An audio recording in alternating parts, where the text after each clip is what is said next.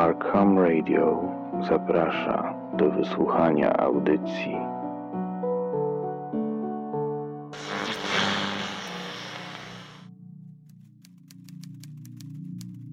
Oxford 30 maja 1920 roku.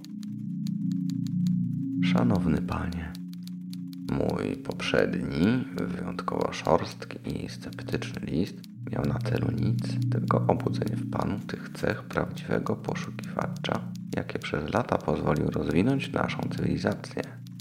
Liczyłem się przy tym z dwiema możliwościami. Albo nie jest pan stworzony do rzeczy wielkich i porzuci szalone mrzonki na rzecz podjęcia zwyczajnej pracy, albo podejdzie pan do sprawy w sposób prawdziwie rzetelny. Niesamowicie cieszy mnie zatem ton obecnego listu i fakt odrobienia zadanej lekcji. Taki właśnie sposób powinien postępować prawdziwy człowiek nauki. Zauważam jeszcze drobne błędy w pańskim rozumowaniu, ale ufam, że wspólnie przeanalizujemy je, co pozwoli panu zdobyć doświadczenie i wiedzę umożliwiające samodzielną pracę. W przesłanym liście znajduję dużo więcej wyważonego planowania i formowania wniosków. Wciąż martwi mnie jednak fakt szukania przez Pana nadprzyrodzonych rozwiązań dla tematów, które mogą być z powodzeniem wytłumaczone przez czasy, w których były poruszane oraz czysto biologiczne procesy. Ale do rzeczy. Pozwoliłem sobie poświęcić odpowiednio dużo czasu na przetłumaczenie przesłanych przez Pana fragmentów manuskryptu.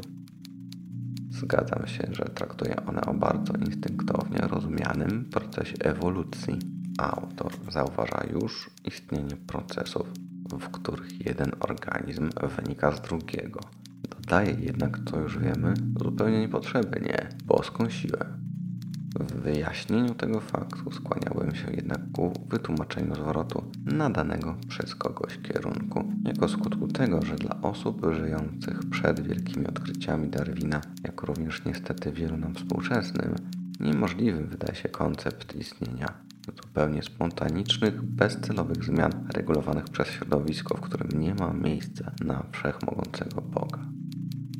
Mówiąc w skrócie, nasz gatunek lubi myśleć, że wszystko ma swój głębszy, ukryty przed nami cel. My, ewolucjoniści, potrafiliśmy jako pierwsi oderwać się od tego konceptu opartego na wierze i zwrócić się w kierunku czystej nauki. Bardzo możliwe, że gdyby autor łacińskiego tekstu bez strachu przed spaleniem na stosie dopuścił do siebie taką możliwość, sam przyznałby mi rację. Proszę też zwrócić uwagę na następną notatkę Darwina, która pojawia się pod tymi zapiskami. Absurdalnym jest mówić o jednym zwierzęciu jako stojącym wyżej od innego. Pokazuje to, że i Darwinowi mimo wszystko coś w tej całej teorii nie pasowało i dostosował ją do swoich ówczesnych poglądów. Skłaniałbym się ku twierdzeniu, że na tak rewolucyjne rozumowanie Charlesa silny wpływ miał jego brat Erasmus Darwin, wolnomyśliciel i członek brytyjskiej partii Wigów, z którym Charles zamieszkał po powrocie z wyprawy. Słowa tłumaczone jako rdzeń, paliwo czy katalizator rozumiałbym raczej jako próbę tworzenia jak najbardziej odpowiedniego opisu nowych dla Darwina procesów. Musimy pamiętać, że prawdopodobnie nigdy nie zapoznał się on z odkryciami Mendla dotyczącymi praw dziedziczenia. Próbował więc zgodnie ze swoimi możliwościami wyjaśnić zjawiska opisane w manuskrypcie, a obecnie znane nam jako allele, geny czy fenotyp. Bardzo ciekawą uznaję tutaj możliwość, w której Darwin posiadał dostęp do zapisków jeszcze przed wyruszeniem w swoją podróż. Mogłoby się bowiem okazać, że jego doniosłe twierdzenia nie pojawiły się spontanicznie po przeprowadzeniu licznych obserwacji, ale że obiekty swoich badań dobierał w ten sposób, żeby pasowały do znanej mu już teorii. Wskazywałoby to, że działał indukcyjnie, a nie dedukcyjnie. Nie chcę nawet myśleć, jak piramidalne bzdury mogłyby z tego wyniknąć, gdyby Darwin nie miał odrobiny szczęścia. Przyznam, że również dla mnie fragment traktujący o źródle wydaje się nie do końca jasny. Sugerowałbym zupełnie inne tłumaczenie zapisanego po łacinie fragmentu. Czy nie sądzi pan, że zdanie wszystkie formy życia, jakiekolwiek istniały na Ziemi, oryginalnie, planecie, pochodzą od pierwotnej formy, lepiej oddaje jego sens? Zdanie to w żadnej mierze nie przeczy teorii ewolucji, jak również nie nadaje jej boskiego pochodzenia. Jeśli jednak posiada Pan współrzędne geograficzne, które owo źródło opisują oraz ma możliwość dotarcia tam w niedługim czasie, uznaję wartościowym sprawdzenie, o co mogło chodzić autorowi. Obawiałbym się jednak, że od powstania tekstu oraz podróży Darwina w tamte rejony minęło na tyle dużo czasu, że nie odnajdzie się tam nic poza wzburzonymi falami słonej wody i całą gamą morskiej zwierzyny. To nic. Historia pokazuje, że niejednokrotnie więcej dobrego wynika z nieudanego eksperymentu, aniżeli ze sukcesu.